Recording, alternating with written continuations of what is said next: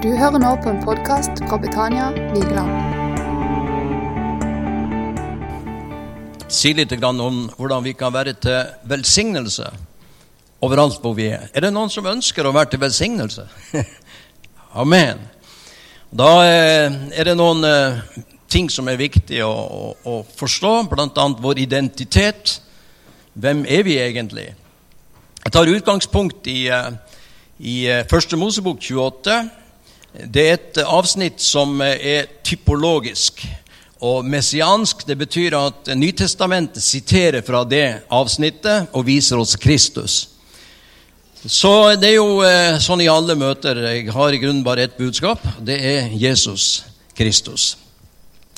Så i vers 14 så eh, vet ikke om vi kan få det opp. Eh, ja, det var kanskje litt uh, Skulle ikke hatt de der svarte bokstavene.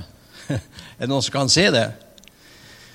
Men det er altså eh, Herren som taler til Jakob, og det står at eh, i din ett skal bli som støvet på jorden, og du skal utbre deg mot vest og mot øst, mot nord og sør, og i deg skal alle jordens slekter velsignes. Så dette her eh, verset er da et løfte til Jakob, og eh, vi ser det i eh, i uh, Lukas 13, 29, hvordan Jesus siterer fra det verset. Vi sang en gammel skibollettsang. Husker dere den? De kommer fra øst og vest. De kommer fra syd og nord. Og den sangen er inspirert av denne teksten. Så Jakob får et uh, løfte. Og vi vet at dette har sin oppfyllelse i menigheten. Hvordan vet jeg det? Jo, fordi Paulus siterer det verset. I deg skare jordens slekter velsignelse i Galaterne 3, når han taler om Jesu død.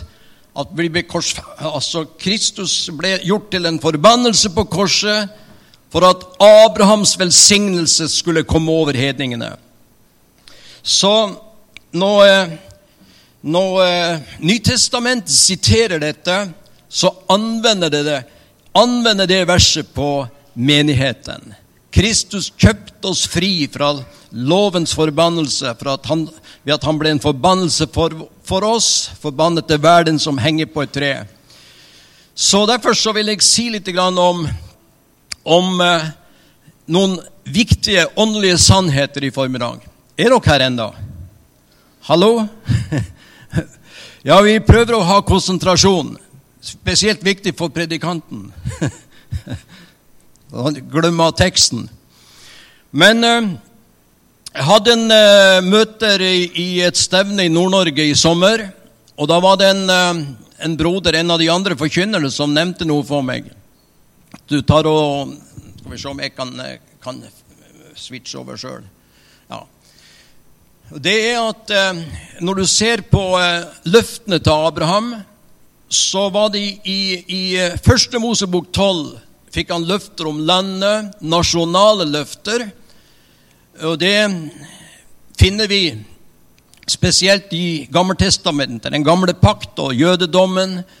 Men så vers 3 taler om en, en, en messianske løfter som var globale, som gjaldt alle mennesker. Så det var to ting spesielt. Det var løfteslandet, og så var det det globale. Det ene var nasjonalt, og det andre var globalt. Og Det vi samtalte om i, eh, i sommer, jeg og han broderen, det, det var det at eh, disse to modellene Vi bekjemper ikke én modell eh, ved å fokusere på den gamle modellen, men ved å innføre en ny modell.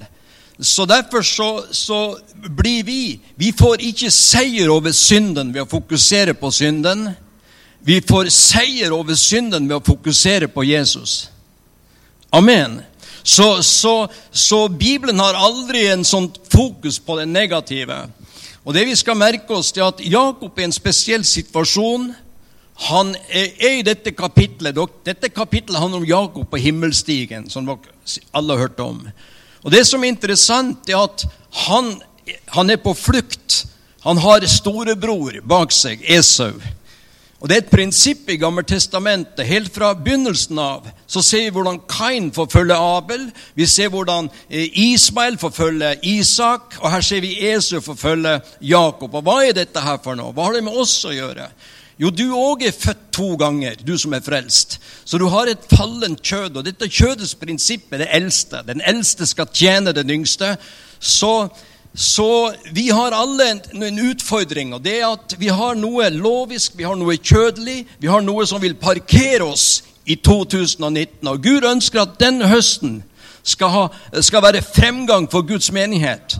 Han ønsker at denne menigheten skal vokse og blomstre i denne høsten.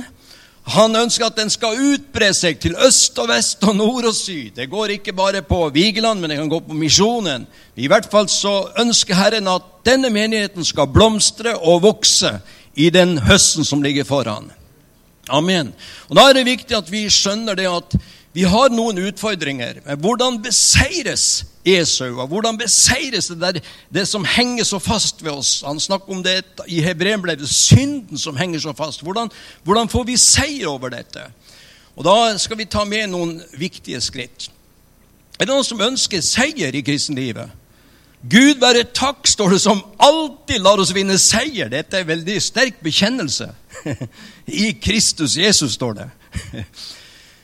Så det første vi skal merke oss, det er at eh, Det første han, han, kommer til et sted hvor han, uh, han, er sliten. Så det er mulig du er i samme situasjon. Du er, kan, det, ting har truffet deg i livet som har gjort det vanskelig. Esau henger som ei klam hånd bak han, og han er redd. Han har trua på livet. Og sånn kan vi si at dette kjødelige prinsippet, det er dette negative i tilværelsen som kom inn ved syndefallet. og det, det, er viktig at vi skjønner hvor det hører hjemme. Og Det første er at han tar steinen, og så legger han seg til å hvile på den og sove på den. Når vi leser Nytestamentet, og vi leser helt fra Bibelen også begynnelsen, så tales det om at vi mennesker er skapt av støv og moll. Det er det naturlige mennesket. Men når Jesus møter Peter, så sier han, 'Du, Peter', eller 'du, Simon'. Du, han skifter navn på han. Du skal hete Peter, en stein. Hvorfor det, hvorfor det da? Jo, hans møte med Jesus betyr en ny, ny karakter, en ny natur, en ny ånd, et nytt hjerte, et forvandla liv. Så han, det første han gjør når han møter Peter, det er å skifte navn for å hjelpe han til å se sin nye identitet. Amen. Du er ikke lenger Simon. Du er Peter, en stein. Kom til han, den levende stein, og bli oppbygget som levende steiner til et åndelig hus. Og Det er det første prinsippet. Steinen taler ikke om moll og støv og leire. Det taler om Kristus hans steinen som bygningsmennene forkastet, er blitt hovedhjørnestein i Guds forsamling. Og Hva forteller det meg? Det forteller meg at hvis vi i det hele tatt skal være til velsignelse i denne høsten, så må jeg komme til hvile i Kristus. Han hvilte på steinen, som taler om at det er ingen hvile i, i kjødet ditt, det er ingen hvile i moll og støv, det som du er i naturen. Det er kun hvile i den nye naturen, i den nye identiteten i Kristus. Så kom til Han, den levende stein, og bli oppbygget som et levende hus, til, levende steiner til et åndelig hus. Amen. Det første prinsippet. Hvis vi ikke kom til hvile, hvis jeg er utslitt av å være frelst, og så skal jeg ut og evangelisere. Jeg er helt gåen, jeg er helt på felgen av å være frelst. Og så spør jeg vil dere ha det jeg har. Så blir jo folk livredde når de ser hvor fælt jeg har det. Vi skulle ikke være utslitt, vi skulle komme til ro og se at i kraft av korset er du avdød fra Esau, og du er reist opp i Kristus og har en ny identitet, en ny ånd og et nytt hjerte. Der ligger noe av selve hjertet i den kristne tro. At Kristus er alt. Vi har en tendens til å tro at alt der ligger der foran oss, så skal det bli så fantastisk. Men Kristus er her. Jesus står opp igjen. Jesus er her i formiddag og ønsker å gjøre noe nytt i ditt liv. Så det første, det er kom til ro i den nye naturen. Steinen gjennom hele Bibelen, fra begynnelsen til slutt, taler om han som satt på tronen. Bare å se Har dere husker dere åpenbaringen? og den som seirer, gi en hvit stein. Hva er dette her for noe? Det taler om en ny natur, en ny ånd og et nytt hjerte. Amen. Og for det andre Når han ligger på steinen og sover, så får han en drøm. Han får se en himmelstige. Og Gud er øverst på den. Den var reist på jorden. Og Nytestamentet forklarer dette for oss. Så når Jesus taler til, til uh, Natanael, så sier han du er en ekte israelitt. Og så får han se du skal se større ting enn dette. Du skal se Guds engler stige opp og ned over menneskesønnen. Han siterer så han sier til han at det der som du kjenner til fra Gammeltestamentet, den stigen, er et bilde på Kristus. Og Hva betyr at han var stilt på jorden og Gud var øverst? Forteller meg at forbindelsen med himmelen er, er gjenoppretta. I syndefallet ble forbindelsen brutt, men nå er forbindelsen med himmelen åpen. Det vil si at i Kristus så er det ingen avstand til himmelen her i formiddag. I Kristus så er avstand annullert. Amen. I møtet her i formiddag så er Jesu nærvær et faktum. Så himmelstigen taler om at, at avstand til himmelen er annullert. Det er fantastisk viktig at vi forstår. Så skal du være til velsignelse så kan ikke du gå og lengte bare etter himmelen hele livet. Men du må innse at du Det står jo et vers, fantastisk vers at dere er satt i det himmelske med Kristus. En ny posisjon. Dette skal vi få se en fyldigere oppfyllelse av når vi kommer hjem. Men inntil da så er vi avdømme Kristus. Vi er oppreist med Kristus, og vi er satt i himmelen med Kristus. Amen. Det betyr at alt Jesus gjorde, er tilregna deg som tror på Han. Så eh, har jeg reist fra Bibelen min, så vi preker uten Bibel. Men jeg bruker en illustrasjon. Hvis jeg tar en, hundrelapp og legger i Bibelen, og så sender jeg Bibelen til Mandal, så sender de han til Kristiansand, og så er det en, en tur ned om Svennevik. Og så et slutt opp til Vigeland igjen. Hva skjer med hundrelappen? Jo, den har del i samme reisen, for den er i Bibelen. På samme måte, når Jesus døde, så du tror på Jesus, blir du tilregnet hans død. Så Gud ser deg dø med Kristus, han ser deg oppreist med ham, og han ser deg satt i himmelen. Dette er en tilregna posisjon som vi har som Guds folk. Amen. Så Dette har ikke noe med følelsesliv og nervesystem å gjøre. Dette her handler om hvordan Gud ser deg.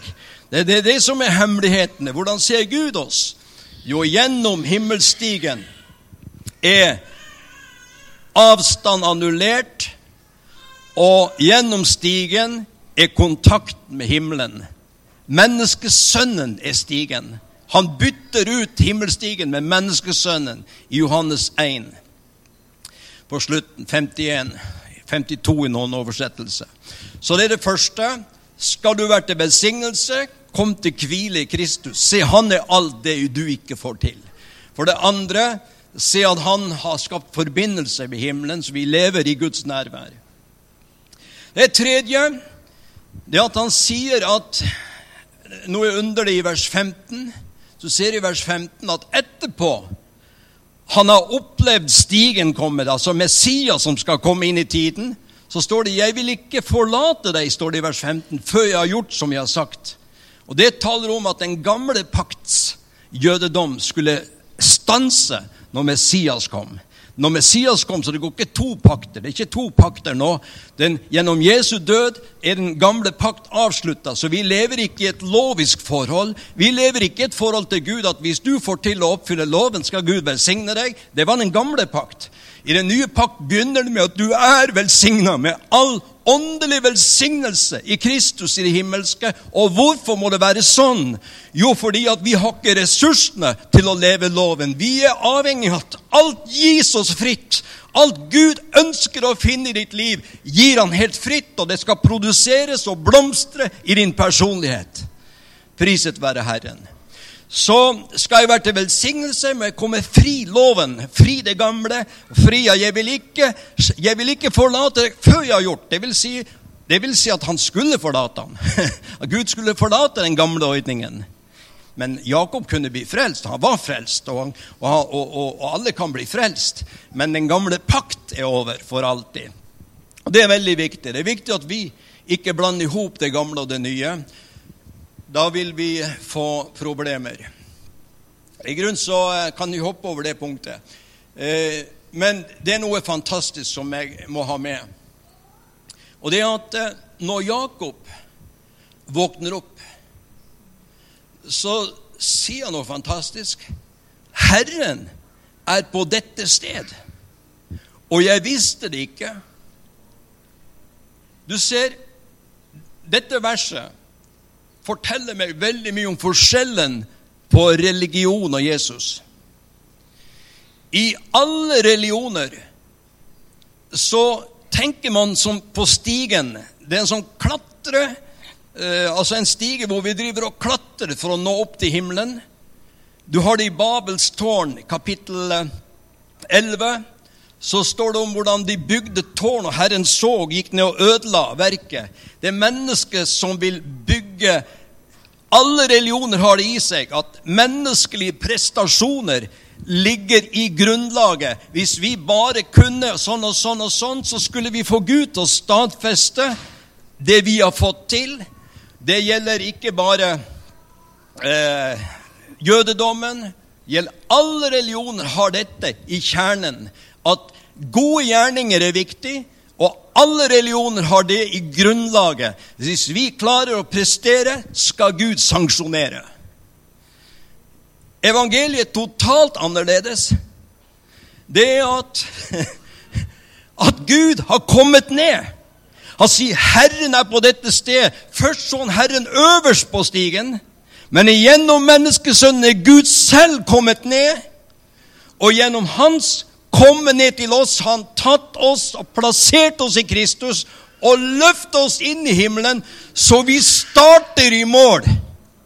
Vi begynner vår vandring med Gud ved å være i mål. Amen. Alle religioner har gjerningene i grunnlaget som klatrer. Hvis vi bare klarer å prestere, skal Gud velsigne. Men evangeliet en åpenbaring, ingen religion. Det er en åpenbaring av Kristus fra det himmelske. Halleluja. Jeg holdt på å si jeg blir begeistra. Den blir begeistra av din egen tale, men nå kjenner jeg dette, det, er jo, det er jo herlig å være frelst. Det er trivelig å være frelst når du skjønner at dette handler om Jesus. Alt sammen. Så Herren er på dette sted. Det vil si at han kom ned putta oss inn i Kristus, gjorde et fullbrakt verk, putt oss inn i Kristus og plasserte oss i det himmelske, så vi starter i mål. Og ut fra det kommer gode gjerninger. Så i Bibelen taler mye om gode gjerninger. Vi har arbeidet, vi har masse ting som gjøres. Men det er dog ikke lenger jeg, men Kristus som gjør det gjennom meg. Så Paulus sier at han har arbeida mer enn de fleste. Dog ikke jeg, men nåden som virker i meg. I eh, Thailand så har vi hatt en nabo som er flytta nå, men hun, hun eh, var vi veldig godt mye kjent med. Og, og eh, vi hadde mange interessante samtaler. Hun var, var bu, eh, buddhist. Og så spurte jeg Nuan eh, Jeg har spurt over flere anledninger du, hvordan går det her til slutt. Hvordan eh, går det til slutt? Og sa hun opp eller ned? Jeg vet ikke om hun tenkte himmel eller fortapelse, men i hvert fall så tenkte hun at kanskje blir jeg en høyere status i neste liv, for de har det med reinkarnasjon. Eller det går dårligere. Kan bli en hund hvis du ikke er snill. Så de, de, er veldig, de, er veldig, forsiktige med å ta livet av hunder, for det kan teoretisk være bestemora. Så i Thailand så er de forsiktige med dyr. Det kan jo være fint. Men så sier hun det går opp eller ned. Ja, hvordan vet du hvordan det går? Har du noen formeninger? Kan du være sikker på at du når fram? Så nei, det er som i, vektskål. Hvis de gode gjerningene teller tyngre, veier tyngre enn de dårligere, så går det bra. Så, men hun kunne i grunnen ikke være sikker på noe som helst. I krist, kristendommen, i Bibelen, i, i evangeliet, så er gode gjerninger viktig. Titus brev nevner det i alle kapitlene. Et folk nidkjært og ivrig etter gode gjerninger men fordi Kristus lever i oss. Det er aldri i grunnlaget. Og dette er enormt viktig, for hvis, hvis gode gjerninger og arbeidet var grunnlaget, vil vi alle være sikre når vi har gjort nok. Så da jeg var nyfrelst, så da lå jeg på Blå Kors i Tønsberg, og så tenkte jeg jeg har kasta bort så mange år, jeg må skynde meg, jeg må bli åndelig med en gang. Så tenkte jeg at hvis jeg ber en time hver morgen, leser et kapittel hver morgen og ber for, eh, vitne for ett menneske hver dag, da blir jeg superåndelig fort. Så var det en kveld, var rene trelldommen. Jeg kom på, Jeg hadde ikke vitna for noen den dagen. Jeg kledde på meg og sprang ut på gata. for Det første jeg fant, prøvde å fortelle, om var himmelfallen, og sprang inn igjen på Blå Kors. Så det var rene trelldommen. Du skjønner, Hvis du ber én time, så sier fienden nei, det er ikke nok, du må be to. Eh, og, og, og du må lese to kapitler. du, må, du, kommer aldri i mål hvis gjerningen er i grunnlaget. Du blir åndelig ved å være forenet med Kristus. Du er gjort til ett med Han. Og så kommer Bibelen blir interessant når du har livet i Gud inni deg, og bønnen blir naturlig, og vitnet blir naturlig, men du, blir, du, er gjort til ett med Kristus og lever i hans nærvær. Guds nåde og Guds kjærlighet gjør deg til et åndelig menneske. Amen. Ingen gjerninger du gjør, kan få deg åndelig, men gjerningen er en produkt av at Han lever i deg. Amen. Så Herren er på dette sted hvor dere er to og tre samla i mitt navn, er jeg midt iblant. Det vil si, Gud var øverst på stigen, men nå var Gud midt iblant dem.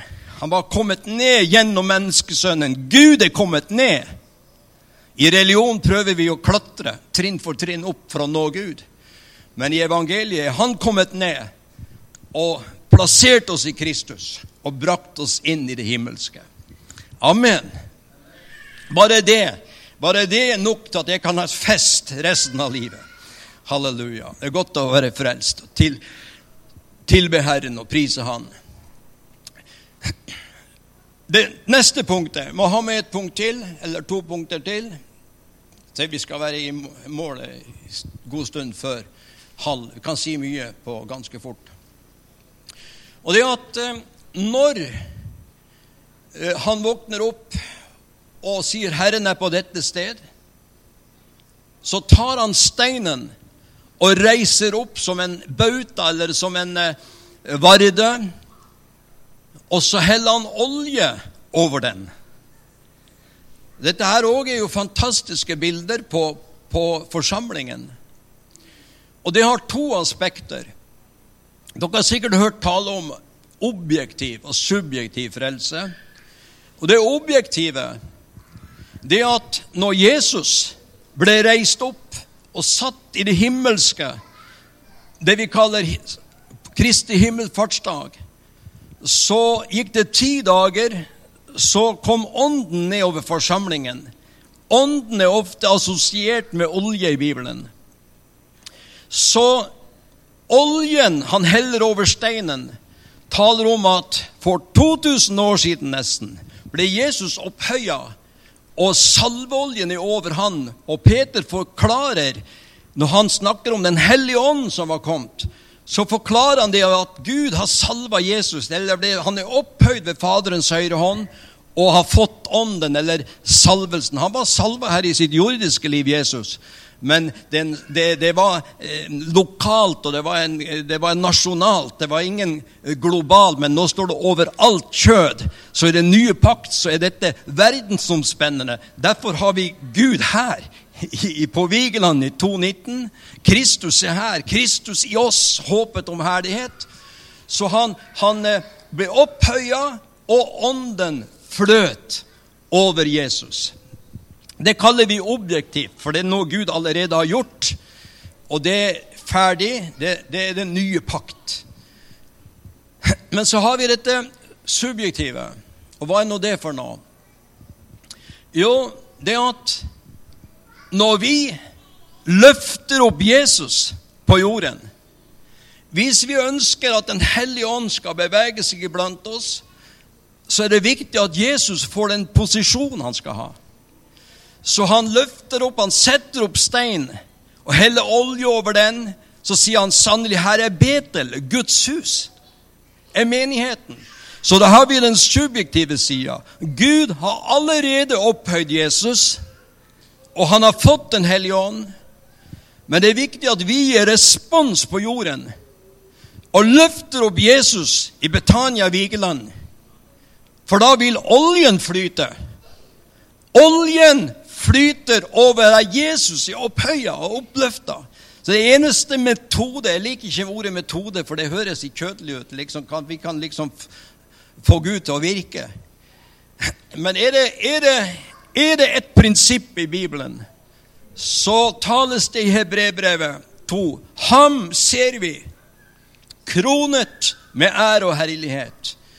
Og hebreerne 12 med blikket festa på Kristus. Så når vi opphøyer Jesus, så flyter salveoljen. Den hellige ånd har lovt å sanksjonere Jesus. Så løft opp Jesus i livet ditt. Det kan være i tilbedelse. Hørte de sang om Jesus som konge her. Stian og Lillian her i, i en av sangene. Jesus er allerede konge. Han er konge på tronen. Han er konge, han er prest og konge etter Melkisedeks vis. Han er, han er rettferdskonge først, og dernest fredskonge, hebreerne 7, 1 og 2. Så Jesus er allerede opphøya på tronen. Og ved at vi gir respons på Betania Vigeland, vil oljen flyte. Amen. Og ingenting kan erstatte Guds nærvær. Så vi, vi, vi, har en utfordring, alle sammen som er, som er, Selv om vi er kristne. Det er ikke bare verden som har kjød, ser du. Vi har Kjød og ånden står hverandre imot. Vi har en Esau som henger liksom bak oss som en mørk skygge. Og hvordan beseires ham? Gjennom åpenbaringen av Jesus. Amen. Gjennom hvilen i Kristus gjennom forbindelsen med himmelen, gjennom Guds nærvær. Sannelig, Herren er på dette sted. Og for det fjerde, ved at vi løfter opp Jesus, vil oljen flyte. Og da vil du oppleve Jeg husker Dennis Grinic sa en gang vi hadde møter på Karmøy i 2000. Så sa han hvis vi er opptatt med det vi skal, får vi ikke tid til det vi ikke skal. Så Derfor er det viktig å fylle livet sitt med Jesus. Så du blir ikke løst ifra Esau ved å kjempe med slåss med feieren. Ikke sant? Kan slåss med feieren, men blir bare, du blir bare svart. Så vi blir ikke, vi blir ikke åndelige ved å fighte dette kjøttet og det negative. Du har hørt om feieren. Har du hørt om hun som eh, uh, Mammen var i nabo, bare inne i nabo, så ringte det på, og så går jentungen ut og ser feieren på trappa. Så blir hun store øyne. Hadde aldri sett feieren før. Så, så sier du, 'Ja, du kjenner vel ikke meg', sa han. Og så hun ble forskrekka. 'Nei, men jeg har hørt om deg på søndagsskolen'. ja. ja, ja. Nå skal vi summere opp. Vi har alle et fallent kjød som står ånden imot Galaterne 5, illustrert ved Kain, religiøse. Vi er illustrert ved Ismael, og illustrert ved Esau. Alltid altså født to brødre, født to ganger. Vi er født på ny, og den yngste, det nye livet, vil alltid være i konflikt med fallets prinsipp. Hva gjør vi med det? Denne beretninga lærer meg fantastisk fine sannheter. Kom til hvile Jesus. For det andre, se at han har skapt allerede forbindelse med himmelen. For det tredje, den gamle pakt er over. For det fjerde, se at gjennom Jesu komme er Gud her iblant oss. Og Gjennom Jesu død, oppstandelse og himmelfart er vi allerede transportert inn i himmelen. Og for det fjerde, hva skal vi gjøre med alt dette? Det eneste vi kan gjøre, er å løfte opp Jesus. Forkynn Jesus. Løft han opp i lovprisning. La Jesus få dominere forsamlingen. Alle greinene av arbeidet. La det være en Jesus-menighet. Amen.